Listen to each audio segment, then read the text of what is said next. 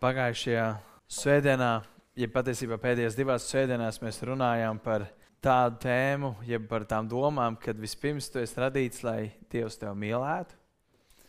Un pēc tam mēs skatījāmies, ka tu esi radīts, lai piederētu, lai piederētu Dieva ģimenei. Tad, lai tu būtu Dieva mīlēts, lai tu piederētu Dieva ģimenei. Un šajā rītā mēs skatīsimies uz to, ka tu esi radīts, lai kļūtu līdzīgāks Jēzum Kristum. Romiešu vēstulē 8. nodaļā 29. pāntā ir rakstīts, jo kurus viņš sākumā ir nozīmējis, tos viņš ir nolēmis darīt līdzīgus sava dēla tēlam, lai viņš būtu pirmzimtais daudzu brāļu starpā. Tad, tad, kad tu vispirms esi atsaucies Dieva mīlestībai, proti, es ļāvis Dievam sev mīlēt, un tādā kārtā tu kļuvis par Dieva bērnu, un esi, tu piedari tagad Dieva ģimenei, tad trešais ir ko mēs tikko lasījām, viņš ir nolēmis darīt līdzīgu savu dēlu tēlam. Tad Dievs paņem kaut ko neperfektu, viņš paņem kaut ko, kas ir salauzts, viņš paņem kaut ko, ko sātens ir mocījis visus šos gadus, un tad viņš saka, un tagad es tev gribu veidot, es tev gribu darīt līdzīgu savu, savu dēlu Jēzus Kristus tēlam. Tad, tad, tad kad tu esi izdarījis pirmo, atsaucies Dieva mīlestībai, tad, kad tu izdarīsi otro, tu esi pievienots Dieva draudzē, tad trešā lieta ir tu, jeb tāds, kā varētu teikt, no, Dieva nolūks priekš tavas dzīves ir kļūt līdzīgākam Jēzum Kristum. Un tad, tad, kā kristiešiem, tas nav, tā nav izvēle, tas nav kaut kas, nu, es jau padomāšu, vai es gribu vai es negribu. Tas ir obligāti. Tev obligāti ir jākļūst līdzīgākam Jēzum Kristum. Jo te ir rakstīts, kurus viņš nozīmējis tos, tad, kur ir tie, tie, kas ir atsaukšies Dieva mīlestībai, tie, kas pieder pie Dieva ģimenes, tos viņš ir lēmis. Tad, tā, tas parāda Dieva gribu, tas parāda Dieva prātu, tas parāda Dieva nolūku, un tur ir šis darbības vārds darīt. Un atkal, kad laikā pakaļ mēs skatījāmies par to, ka garīga izaugsme vispirms ir atkarīga no Dieva. Dievs ir tas, kurš mūsos veids šo garīgo izaugsmu. Mēs atsaucamies uh, mums ir jāatsauc šim Dieva darbam, ko Viņš dara mūsu dzīvēm. Okay, tad, ko nozīmē man, ko nozīmē kļūt līdzīgāk, līdzīgākam Jēzum Kristum? Kas tiek prasīts no manis? Un es jums gribu iedot tādu piemēru, kad iedomājieties, ja es jums teiktu, paņem, jūs redzat to māju, es te, un es teiktu, uztais tieši tādu pašu māju. Pilnīgi visās detaļās. Un tu teiksi, vai es drīkstu viņu nofotografēt? Es saku, jā, droši, tu vari nofotografēt. Ok, vai es drīkstu aiziet viņu apiet apkārt? Jā, droši, tu aiziet apkārt, noskaties, visu piefiksē, visu, ko tev vajag. Vai es drīkstu iet iekšā? Droši, tu vari iet iekšā, tu vari paņemt, tur var ņemt, mērīt.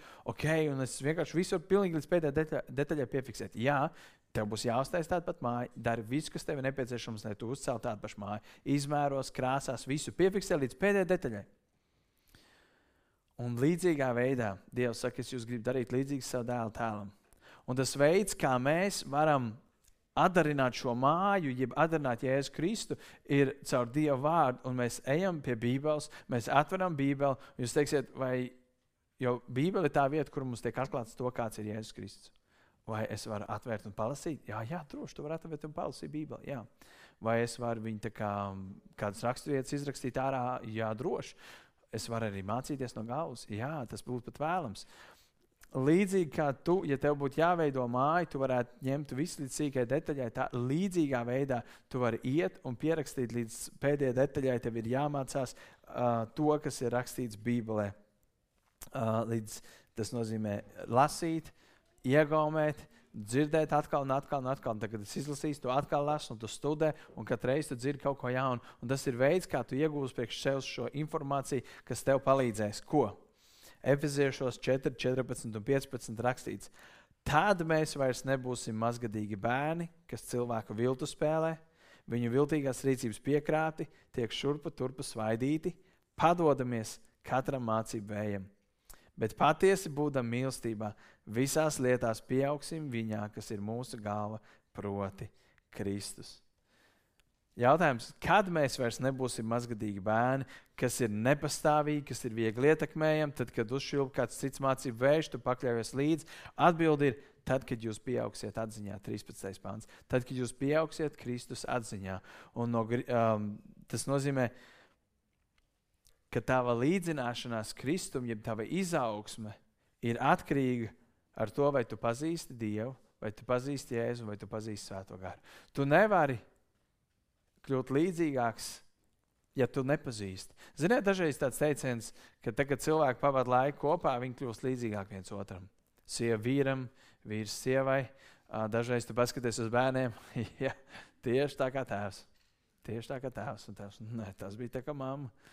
Um, tas, ko šorīt man Ilsta teica, man, kāpēc tas bērns dara tā, kā viņš dara. Nu, jā, nu, tieši tā kā mamma. Un tieši tāpatās mums ir jāredz, jāsaprot, kā darbojas Jēzus Kristus, un to mēs ieraugām svētajos rakstos. 2. pētera 3, 17, 18 rakstīts, tad nu jūs mīļie. To jau zinādami, sargieties, ka maldu līdzi aizrauti, nezaudējiet savu stipro pamatu, bet audziet mūsu Kunga un Pestītāja Jēzus Kristus žēlastībā un atziņā. Šis vārds, kas latviešu valodā ir tulkots atziņā, no grieķu valodas, viņš nāk no tā paša vārda gnosis, kas ir zināšanas. Tad, tad tev ir jāpieaug Jēzus Kristus zināšanās. Ne tikai, un pirmkārt, tas ir saistīts ar Dieva vārdu lasīšanu, ar Dieva vārdu studēšanu, ar Dieva vārdu praktizēšanu, ka tu piedzīvo reāli to, kāds ir Dievs. Un, un tas ir tas, kas mums ir jāpieaug. Tad, šis, un, un šīs pēdējās divas rakstītas konteksts ir, lai tu tiktu pasargāts no maldiem. Kļūstot līdzīgāks Jēzum Kristum, tu tiks pasargāts no maldiem. Bet tagad aiziesim atpakaļ pie Romiešu vēstules 829, kur bija rakstīts, ka Dieva nodoms ir, lai tu kļūtu līdzīgāks Jēzum Kristum. Kā rezultātā šīs zināšanas par Jēzu Kristu tev pasargās no maldiem un rezultātā tev dāvinās mūžīgo dzīvību. Tāpēc, tad, kad tu esi atsaucies Dieva mīlestībai, kļūsi par daļu no viņa draudzes, no viņa ģimenes, tavs uzdevums ir pieaugt Kristus līdzībā. Un šajā rītā mēs apskatīsimies uz tādām kā septiņām lietām, kā sekot Jēzus piemēram. Un tas viss būs balstīts uz kādām raksturvietām. Pirmā lieta ir aizliedz tāpat kā Kristus aizliedza sevi. Tad tas, kas tev tiek dots, ir aizliedz tāpat kā Kristus aizliedza sevi. Kristus aizliedza savu dzīvību, viņš aizliedza savu dzīvi, viņš aizliedza savus intereses, viņš aizliedza savu gribu, viņš aizliedza savus vēlmes, viņš aizliedza, aizliedza savus miesiskās vēlmes, viņš aizliedza visu sevi, lai tev būtu labāk. Lai tev tiktu dot iespēja, lai tu tiktu Lai tev būtu jēga šeit dzīvē, jo šīs 40 dienas ar mērķi mēs atbildam uz jautājumu, kāpēc es esmu šīs zemes, un kāds ir mans dzīves mērķis, kāds ir Dieva nolūks priekš manas dzīves. Un tāpēc te ir rakstīts, aizliedz tāpat kā Kristus aizliedz sev. Mata evanģēlijā, 16. nodaļā, 24. pāntā ir rakstīts, tad Jēzus sacīja uz saviem mācekļiem: Ja kas grib man sekot, tam būs sevi aizliegt ņemt savu krustu un sekot man. Tad pirmais, ko mēs ieraugām, viņš to saka uz saviem mācekļiem, tātad uz tiem, kas ir atsaukšies Dieva mīlestībai, tie, kas ir kļuvuši par daļu no Dieva, dieva ģimenes. Viņš saka saviem mācekļiem, ja kas grib man sekot, tev būs sev aizliegt. Gribu būt mans māceklis, tev būs sev aizliegt. Gribu strādāt mans valstības labā, tev būs aizliegt visus savus intereses. Un redziet, šī raksturvieta ir ļoti skandaloza. Tāpēc, kad ja es esmu bišķiņš miesīgs un bišķiņš sautīgs, es gribēšu teikt, bet tas nav godīgi. Kāpēc? Un varbūt tu nekad skaidri to neuzdrošināsies pateikt aiz, aiz, aiz um, cieņas, aiz die, pie, pie Dieva. Bet tu teiksi, bet kāpēc Dievs tā grib? Kāpēc Viņš grib, kad es aizliedzu sev bez maz vai es tad esmu vienkārši nekas, un tad Dievs, ko tu gribi, to dara man dzīvi. Un, un es uzmetu lūpu un apvainojos, ka es nevaru iet un darīt to, ko es gribu darīt. Redzi, tu neesi sevi radījis, un tu nezini, kādam mērķim tas radīts. Un līdz ar to dažreiz tas, ko es gribu darīt, ir saistīts ar manu miesu. Tikai tas, ko grib man miesa. Un mēs noliekam malā to, ko Dievs grib priekš manas dzīves, un dzīvojam pēc tā, ko grib man miesa. Bet Dievs saka, tā ne. Dievs saka, man ir citi plāni priekš jums. Tad, tev, ja tu gribi sekot Jēzum, tev būs sev aiztē. Patiesībā, un tā būtu vesela svētdienas sērija, bet Jēzus teica, pirms tu kļūsi par kristieti, Pirms tu gribi atsaukties Dieva mīlestībai, un pirms tu pievienojies Dieva draudzē, uzdod sev vienu ļoti kritisku jautājumu. Un viņš dod piemēru. Viņš saka, tā, ja tu cēl savu māju, tu taču apskaties kontā, cik tev ir naudas. Nu, jā, tu izreikini, kas tev būs, cik tev būs, cik tev pietiks, vai tev pietiks, vai tev nepietiks. Tad, kad tu esi apskatījies, viņš saka, ja tev nepietiek, tad tu, tu taču vēl necēl savu māju. Viņš saka, un tieši tāpat, ja tu gribi būt Kristus māceklis, tev ir jāizvērtē. Un tas viens jautājums, kas tev, tev ir jāuzdod, kļūstot par Kristus mācekli, kļūstot par Dieva ģimenes locekli, vai tu esi gatavs pateikt, Dievs, visas savas intereses, visas savas vēlmes, visu savu dzīvi, es nolieku malā, un es saku, Dievs, šeit es esmu, lieto man, Dievs, ko tu gribi priekš manas dzīves. Ja tu savā sirdī saki, zini, ir, nu, es laikam nespēju to darīt, ja es saku, tad labāk nesāc tad labāk nesāc. Un, un, un, un tas ir viens no tādiem kritiskiem jautājumiem, kurus grib atstāt kādus no mums. Protams, es ļoti ceru, ka mēs tomēr būsim gatavi atstāt, ņemt savu krustu un sekot man. Gribu kļūt līdzīgāks Jēzum, mēs runājam par to izaugsmu. Aizliedz sevi, aizliedz savus intereses, aizliedz savus plānus, aizliedz savus vēlmes, aizliedz savu dzīvi un seko Jēzu un paklaus viņam. Kāpēc? Jo Jēzus vispirms paņēma tavu krustu, viņš paņēma tavus grēkus, viņš paņēma visu to nost, lai tu varētu dzīvot dzīvi, kurai ir jēgas. Viņš paņēma visu, viņš paņēma tavu grēku un pienagloja to pie krusta. Viņš saka, šeit es esmu ar visu tavu grēku, ar visu tavu smagumu, piesis pie krusta, karājos. Un gaidi, vai tu būsi gatavs atdot savu dzīvi par mani lai tev būtu piedots, lai tu būtu jauns radījums Jēzu Kristu, lai tev tiktu dots jauns sākums un daudzas otrās iespējas.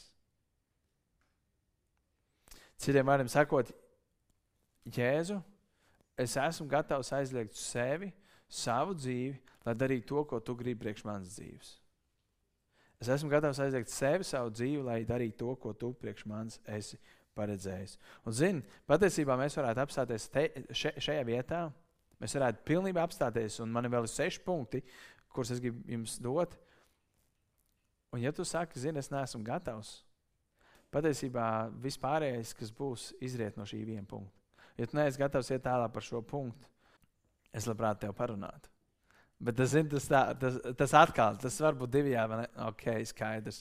Līdz man centīsies vienkārši kaut ko ieskaidrot. Tā pozitīvā lieta ar kristietību ir tāda, ka Dievs sevi nevienam neuzspiež. Tev ir brīva izvēle. Gribi, tu vari man saņemt, tu vari saņemt grēku piedošanu, negribi, man ļoti žēl.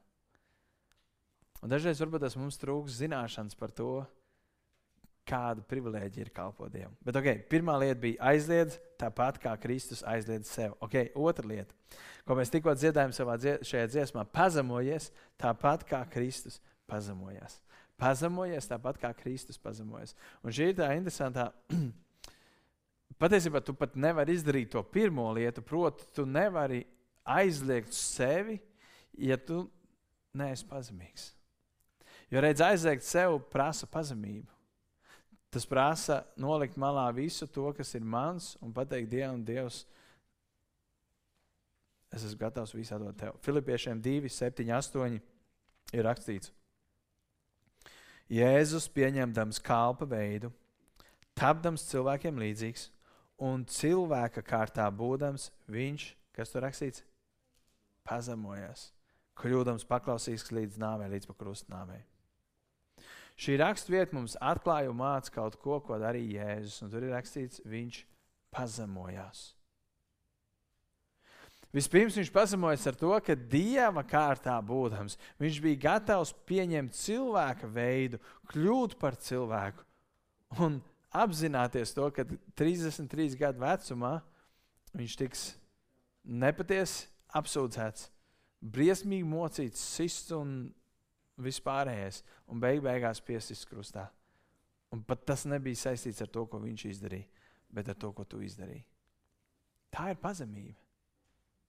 Mēs dažreiz pārprotam vārdu pazemību, bet tas, ko Jēzus parādīja, tā bija visaugstākā pazemības pakāpe. Viņš bija paklausīgs savam tēvam līdz pat nāvei, un kā Bībelē rakstīts, līdz pat krusta nāvei. Ja mēs no šī visa varam secināt tā, ka caur pazemību mēs mācāmies paklausību.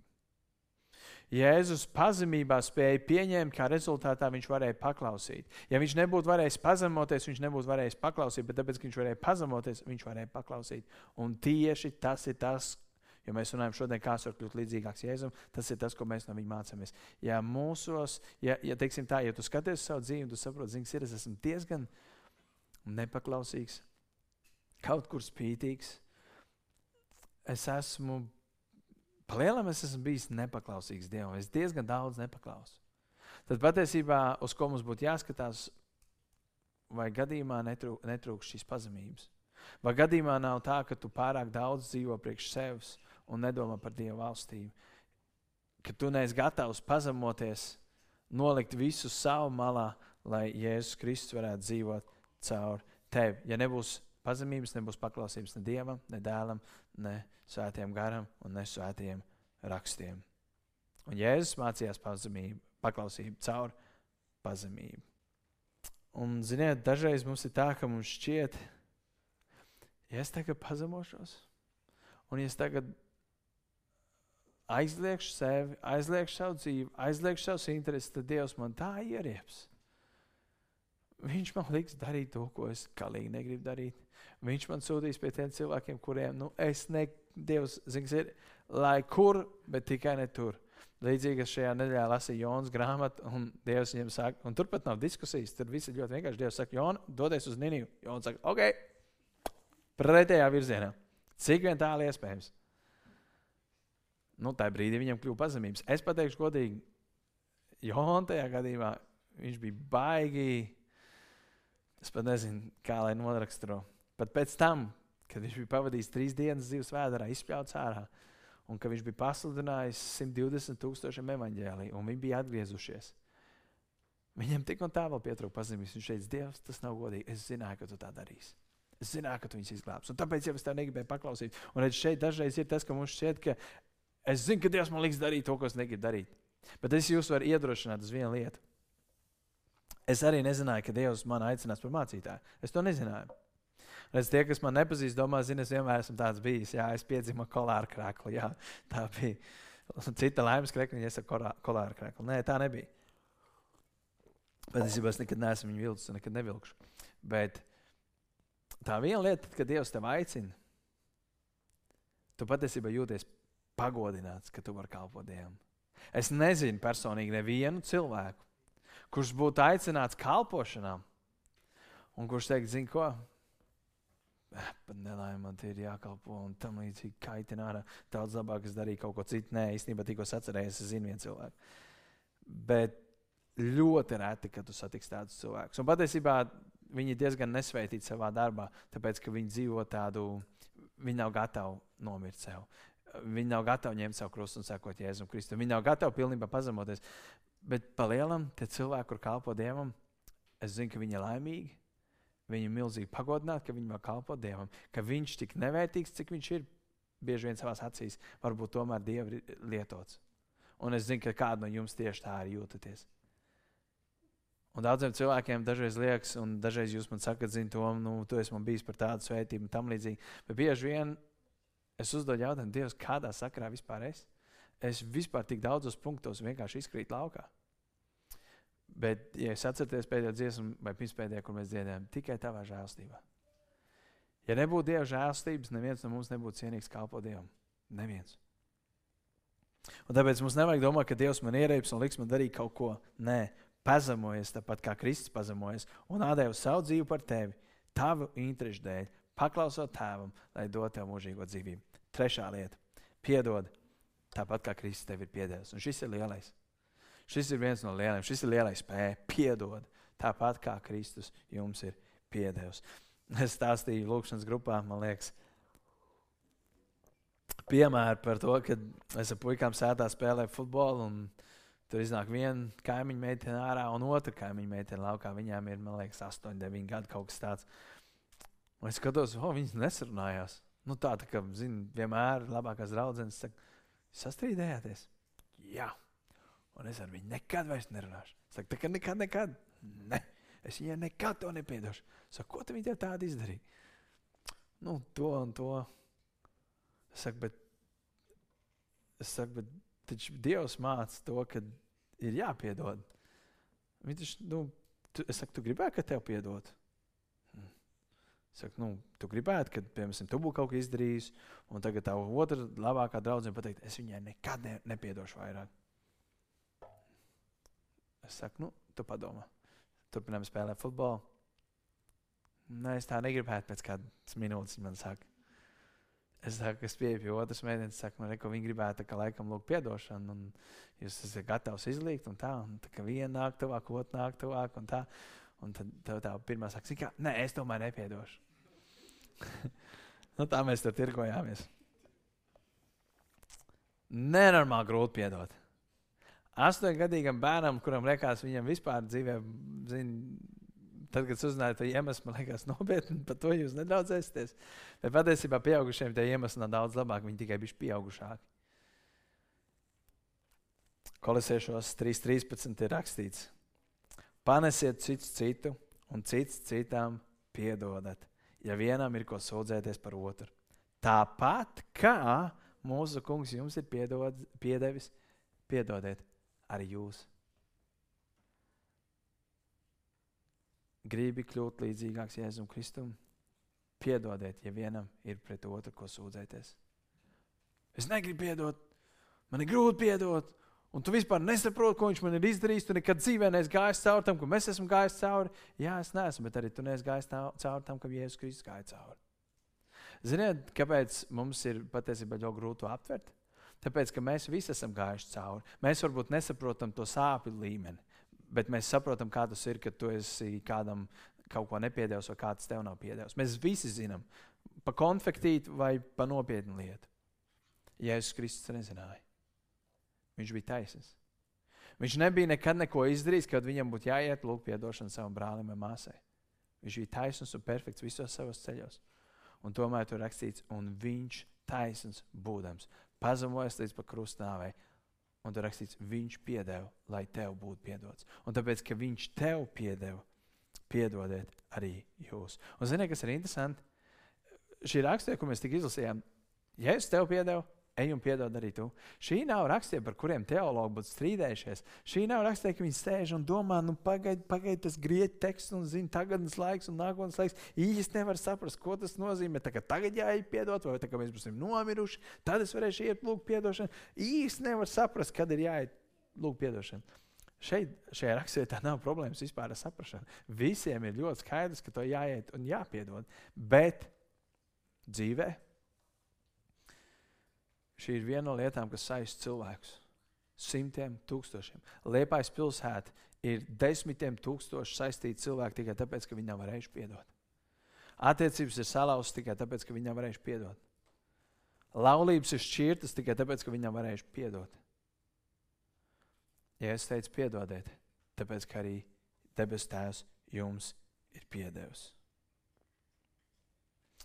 Atcerieties, un es arī šo, šo piekdienu jauniešos stāstīju, bet es pie šī punkta gribu izstāstīt stāstu, kad um, viņiem prasīja, Jēzus, cik reizes būtu piedot. Viņš stāstīja stāstu.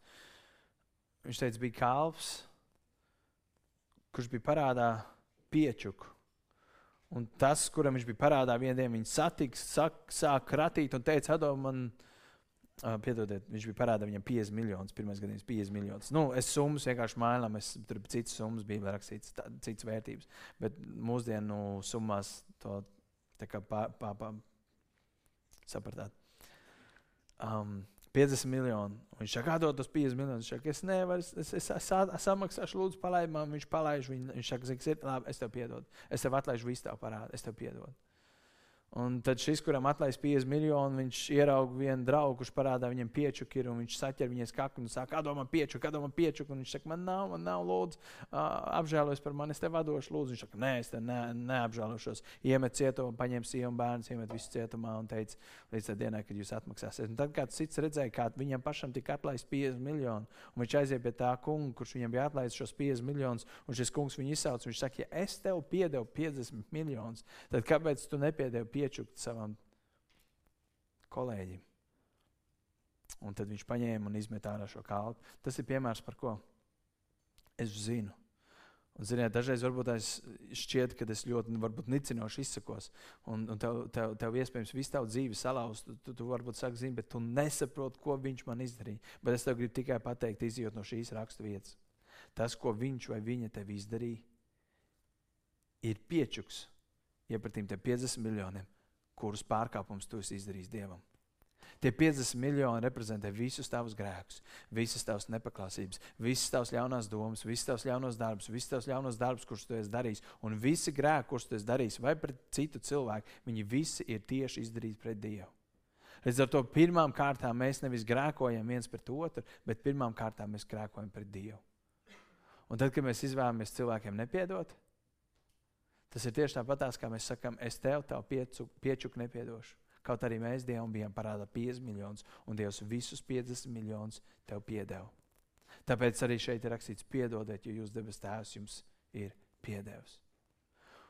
Un šeit pat runa nav par to, zin, bet es nejūtos, ka es gribētu piedot. Zini, Sātans darīs visu, lai tu nekad nejustos, ka tu gribi piedot. Zini, nebūs tā, ka tu pamodīsies skaistā sestdienas vai svētdienas rītā, un tev caur logu spīdēs saule, un tev būs tik labs garstāvoklis, ka tu teiksi, zini, sirds šodien ir tā diena, kad es tev gribu piedot. Nu, tā nebūs. Tā ir izvēle, kas mums ir jāizdara. Dievs, es nevaru, Dievs, es nespēju, man tā sāp, es vispār nezinu, kā to ir iespējams piedot. Bet, ja es tāpēc, ka tu nomiri pie krusta taisnas būdams, un mēs varētu teikt, ja es nezinu, kā tu jūties, bet uz Jēzus pleciem būs uzlikti visi mūsu grēki, saskaitiet visus pasaules grēkus kopā, un tie būs uzlikti Jēzum Kristum. Jēzus saka, un es tik izvēlos jums piedot. Es tev piedodu. Ja es teicu, tu nebūsi gatavs piedot, tad debes tēvs arī tev nepiedos. Tik vienkārši. Līdz ar to es varbūt tā nepareizi biju teikšu, bet, ja tu esi egoists un mēs visi esam, tev vajadzētu pat gribēt piedot kaut vai sevis dēļ. Bet pirmkārt jau tāpēc, ka Dievs to ir teicis. Piedodiet, tāpēc, ka Dievs jums ir piedevis. Jo ziniet, kas ir problēma? Dažreiz es, kurš nepiedod, turot sevi rūkumu, ciešu vairāk nekā tas cilvēks, kuram man būtu jāpiedod. Viņš ir izdarījis, viņš ir aizgājis, viņam ir viegli.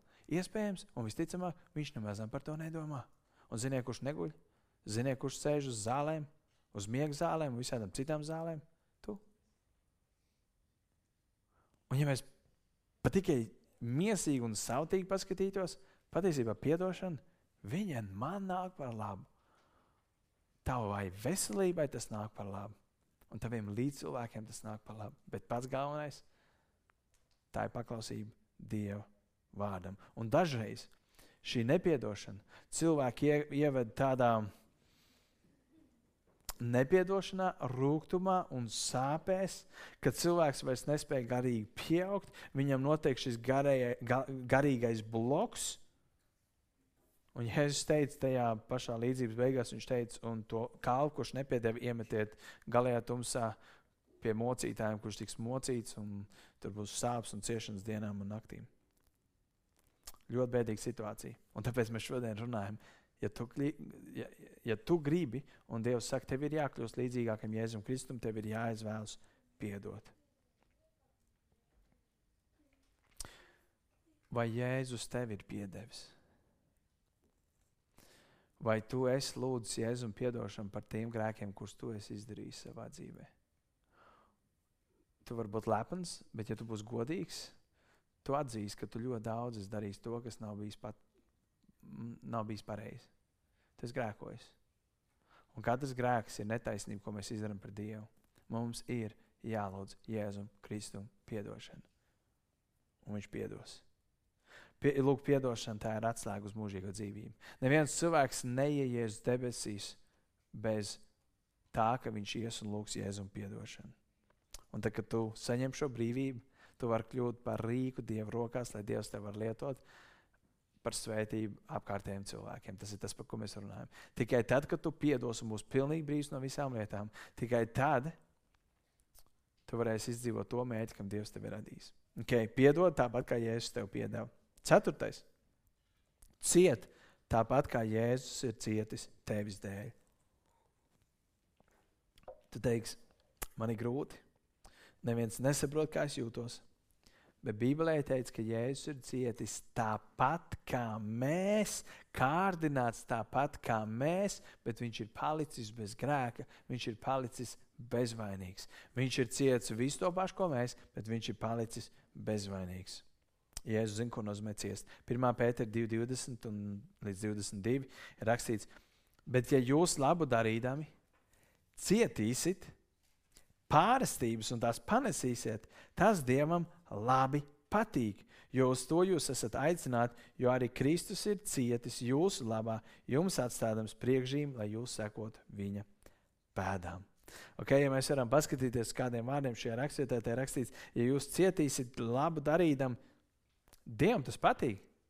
Cilvēkiem sakot, jā, Dievam patīk, ja tu dzīvē ciet. Ja tas ir, ja tu dari labu, un te ir rakstīts, ka tavas ciešanas, tad, kad tu, tu, tu vari pateikt, es neko neizdarīju slikti, es visu izdarīju pareizi. Kāpēc Dievs man jāiet tam cauri, Dievs man sāp, Dievs? Kaimiņš, viņam viss ir labi. Viņš vispār neko nedara, viņš Dievam netic, viņam viss ir baigi labi, un es Dievu cīnos, es daru labu, un Dievs pasaka, cik man ir grūti. Un tur rakstīts, ka Dievam tas labi patīk. Kāpēc? Tāpēc, ka tas tev veido līdzīgāk Jēzum Kristum. Nevis viņam patīk tas, ka tu cieti, bet viņam patīk tas, ka tu dabūni iet cauri šīm ciešanām, jo viņas tev veido par kaut ko. Uh, ja mēs paskatīsimies uz treniņiem un uz saviem bērniem, dažreiz ir grūti skatīties, ka tas bērns mocās mācīties lasīt, piemēram. Tur redz, ka viņš tur cīnās un tam līdzīgi, bet neviens neteiks, zini, man baigs sāpes sirds, vai cik tev neiet. Dodas izlasīšu tavā priekšā. Nē, tev nevajag. Mēs zinām, ka tad, kad viņš izies cauri šīm ciešanām, viņam pēc tam tas būs labāk. Viņš spēs, spēs pats lasīt. Un līdzīgi ir Dievs, kad viņš redz, ka mēs labi darījām, ciešam. Viņš saka, man tas labi patīk. Un 21. pāns rakstīts, jo, jo uz to jūs esat aicināti, jo arī Kristus ir ciets par jums, atstādams jums priekšzīm. Tad uz to jūs esat aicināti. Uz ko? Uz ciešanām? Nopietni. Dievs man aicina uz ciešanām? Nē, Dievs tev aicina uh, kļūt līdzīgākam Jēzum Kristum. Bet ciešanas ir rīks, caur kurām Dievs tev dara līdzīgāk Jēzum Kristum. Un ja mēs sapratīsim, un tāpēc šīs māla mācības, kas nāk iekšā, Dievs negrib, ka tu cieti, Dievs negrib, ka tev ir sāpes, Dievs negrib, ka tev ir šis un tas un vēl un šis un nezinu kas. Tā mācība patiesībā ir no ēles, tāpēc ka Dievs mūs ir aicinājis uz ciešanām, labu darot un ja mēs tās panesam. Tāpēc, kad ejot cauri ciešanām un esot nepatiesi apsūdzētiem, tas mūsos kaut ko dara. Tas mūs veido, sāk veidot Kristus raksturu mūsos. Jo, ziniet, ja Kristus to nebūtu ciets un mācījies, viņš teica, es varētu saukt eņģeļu, eņģeļus, leģionus, un viņi nāktu un atbrīvot man no šīm ciešanām. Ja es nebūtu mācījies ciešanās paklausību, viņš būtu vienā brīdī salūzis un pateicis, nāc, tēvs, palīdz man, es padodos. Un pēkšņi būtu atvēršas debesis, nogalināt visu romiešu karavīru, un Jēzus Kristus nebūtu piesīs krustā. Bet tad arī mums nebūtu grēka piedošana.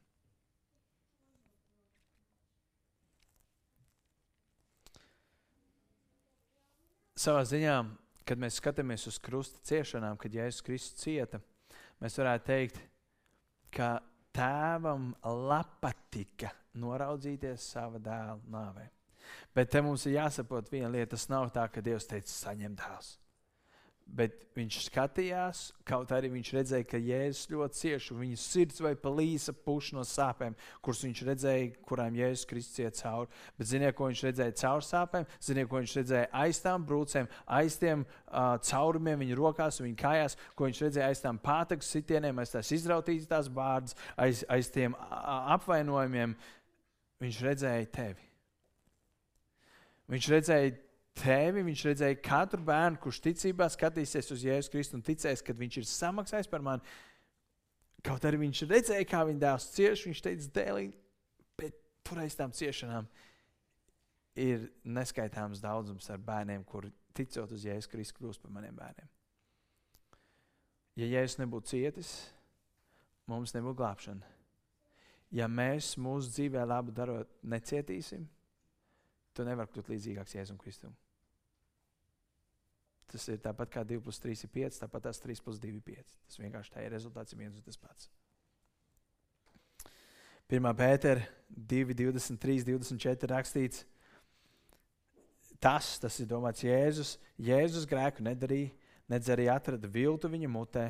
Viņš zaimots neatbildēja ar zaimiem, ciestams nedraudēja, bet atstāja visu tam, kas spriež taisnu tiesu.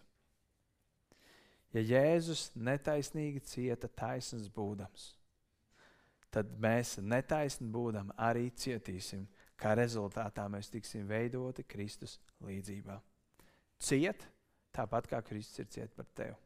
Piektā lieta - atdod savu dzīvi, tāpat kā Kristus atdeva savējo. Šis atkal iet kopā ar to, ko mēs apskatījāmies jau pašā pirmajā, kur bija teikts, ka tev ir jāņem savs krusts un jāsteigā pakaļ. 1. Jāņa 3.16 ir rakstīts, no tā mēs esam nopratuši mīlestību, ka Viņš savu dzīvību par mums ir devis. Tad arī mums pienākas atdot savu dzīvību par brāļiem. Ko nozīmē atdot savu dzīvību par brāļiem?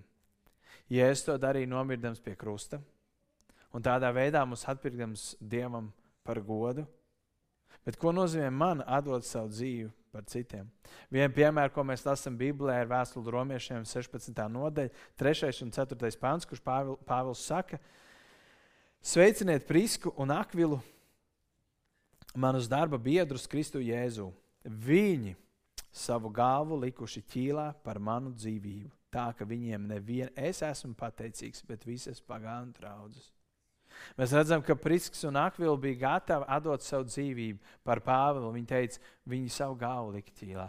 Tas nebija tā, ka viņi zina līdz kaut kādam. Nē, viņi teica, ja mums būs jāmirst, lai paglābtu Pāvilu, mēs to darīsim. Jautājums ir, vai tu esi to gatavs darīt? Ticīgiem ir jābūt gataviem abu, atdot savu dzīvību, vai fiziski, vai garīgi, par savu otru brāli. Un dažreiz mēs redzam, ka ir citi brāļi, kas cieši un mēs vienkārši noignorējam. Cits māsas, kurš iet cauri grūtam brīdim, mēs vienkārši noignorējam. Kur Bībele saka, ka mums ir jādod savu dzīvību par otru. Un šo sfēru mēs vislabāk varam ieraudzīt evanģelizācijas sfērā. Daudzi misionāri ir devušies uz vietām, kur neviens cits nav bijis un nekad nav atbraukuši atpakaļ. Ir vairāki, un es īstenībā gribētu uzdot vienu jautājumu. Ja es šajā rītā jums piedāvātu, es teiktu, draugi, ja pandēmijas laikā pavērsies brīnišķīga iespēja. Vispirms mēs pirksim vienu vien, vien virzienu biļeti, tāpēc, ka divu virzienu biļeti varbūt nebūs vajadzīga. Proti, ir uh, atklāta kāda tauta Āfrikas džungļos. Ļoti agresīva tauta.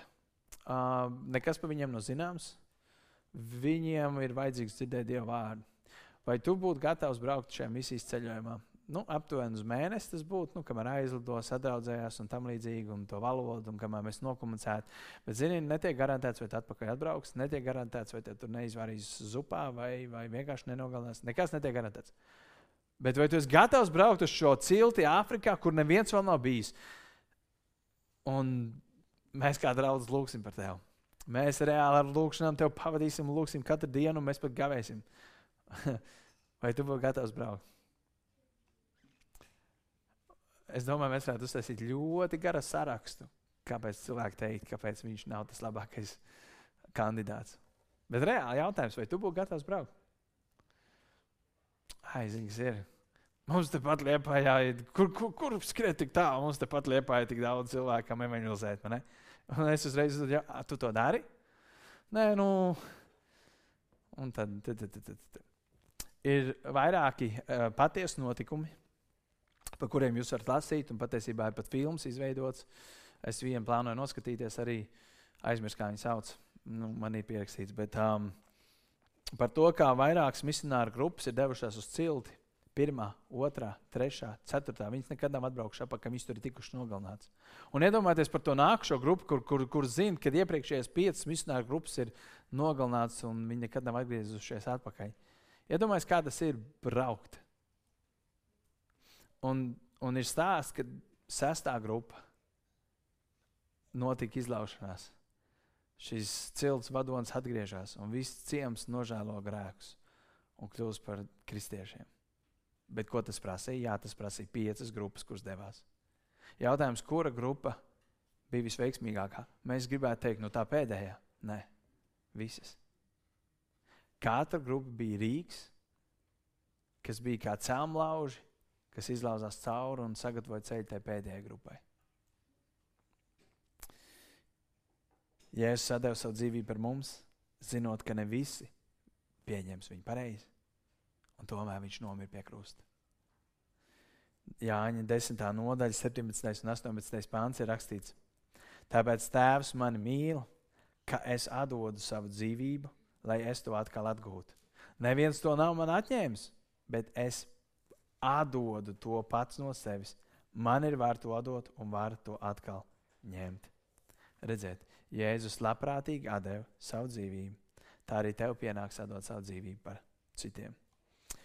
Un pirmspēdējais punkts ir dzīvo tāpat, kā Kristus ir dzīvojis. Un, tā, un, un, un kā tad Kristus ir dzīvojis? Atdevdams savu dzīvību par tevi, nomirdams par tevi, pazemojoties tevs dēļ, ciešot tevs dēļ un piedodot visus tavus grēkus. 1. Jāņa 2.6 ir rakstīts, kas tiecas paliekam viņā, tas ir Jēzu, tam pienāks arī pašam tā dzīvot, kā viņš ir dzīvojis.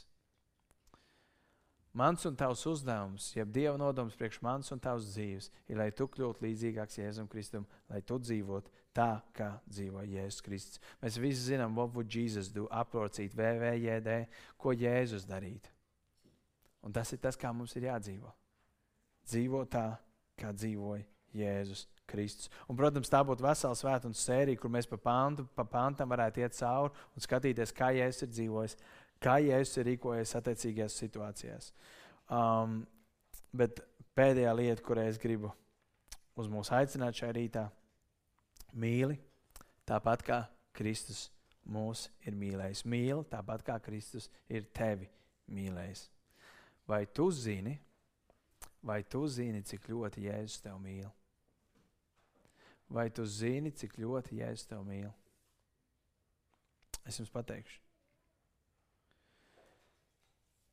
Tik ļoti, ka viņš bija gatavs aizliegt sevi, savu dzīvi, savus intereses tevis dēļ. Tik ļoti, ka viņš bija gatavs pazemoties līdz pat krustā nāvei. Tik ļoti, ka viņš bija gatavs atstāt mājas debesīs, nākt uz zemi, lai tiktu krustā piesprāstīts tevis dēļ. Viņš tev mīlēja tik ļoti, ka viņš bija gatavs tevis dēļ. Te, tevis dēļ ciest kaunu un negodu, kaut arī nevienu grēku savas dzīves laikā viņš nebija darījis ja es tev mīlu tik ļoti, ka viņš bija gatavs piedot visus tavus grēkus, kurus tu darīsi apzināti, kurus tu darīsi ieplānot, un tos, kurus tu darīsi neapzināti. Tik ļoti Dievs Tēvs un Dievs Dēls tevi ir mīlējis. Un tad, kad tu līdz kaulam saproti, ka patiesībā Dievs gāja, kā mēs sakām, uz pilnu banku, Viņš atstāja atdevu pilnīgi visu, Viņš iztukso visu sevi, lai iegūtu mani savā īpašumā lai piedotu manus grēkus, tad kā lai es nedodu savu dzīvi par viņu? Es vēlreiz saku, tad, kad tu līdz kalam to saproti, tad, kad tu līdz kalam saproti, ka Dievs vispār sevi nesaudzēja, pilnībā nodeva sevi, lai iegūtu tevi, tad kā lai es, kā lai tu nedod visu savu dzīvi viņam par godu? Un vienīgais iemesls patiesībā, ko tas parāda, kāpēc mēs neesam gatavi, tas parāda to, ka mēs to vēl nesaprotam. Un tie cilvēki, kas ir sapratuši, ka patiesībā Dievs nav saudzējis pat kripatiņu no sevis, viņi ir gatavi dot visu no sevis un nesaudzē kripatiņu. Un tad cilvēki, kas skatās uz viņiem no malas, viņi domā, viņš ir stulbs, viņš ir nojūdzies, nu, bišķiņi jau pa tālu ir aizgājis. Ziniet, Dieva dēļ pa tālu aiziet nav iespējams. Nav iespējams aiziet pat tālu Dieva dēļ. Tad, kad tu saproti, ko Viņš ir izdarījis tevis dēļ. Ja Dievam svarīgākais ir glābt dvēseles, tad kāpēc man kaut kas, kaut kas cits ir svarīgāks? Ja Dievam prioritāšu sarakstā ir glābt dvēseles, tad kāpēc man stāstīt citiem par Jēzu ir kaut kur tur apakšā? Man ir kauns, man ir nērti mana karjera, mans darbs, mans hobijs, mana ģimene. Bet kā, ja viņš man tik ļoti ir mīlējis, tad kā lai es savu hobiju, savu darbu, savu ģimeni lieku augstāk par Dievu, ja viņš tik tiešām man ir tik ļoti, ļoti mīlējis? Tāpēc Dievs vēlas, lai tu kļūtu līdz, līdzīgāks Jēzum Kristum. Un tad, kad tu kļūsi līdzīgāks Jēzum Kristum, tad tev sāks interesēt Dieva lietas vairāk un zemes lietas mazāk. Un tev sāk saukt par jocīgu un neloģisku izvēļu cilvēku, jo tu tiks sākts vērtēts pēc šīs pasaules standartiem, nevis pēc debesu standartiem. Bet patiesībā, kas notiek, ir, tu kļūsi līdzīgāks Jēzum Kristum. Un tāpēc Jānis Kristītājs teica, man ir jāiet mazumā, bet Jēzum ir jāiet vairumā. Man ir jāiet mazumā, bet Jēzum Kristum manā dzīvē ir jāpieaug. Man ir jākļūst līdzīgākam Jēzum Kristum. Un jā, tas ir ļoti grūts un sāpīgs process, jo tas grauj visu, kas mēs esam, visu mūsu pazemību. Tātad, pirmkārt, tu tika radīts, lai tiktu Dieva mīlēts, lai tu piederētu Dieva ģimenei, un trešais, lai tu kļūtu līdzīgāks Jēzum Kristum. Un es gribu noslēgt ar raksturvietu no 2. korintiešu vēstules 3. nodaļas 18. pānta. Bet mēs visi atsaktām sejām, Dieva godību redzēdam, kas spoguli topam pārvērsti viņa paša līdzībā, no spožuma uz spožumu. To dara tā kunga gars. Šeit ir rakstīts, redziet, mēs topam pārvērsti Dieva līdzībā, un to dara tā kunga gars. Tas ir Dieva nodoms priekš tavas dzīves, lai tu kļūtu līdzīgāks Jēzum Kristum.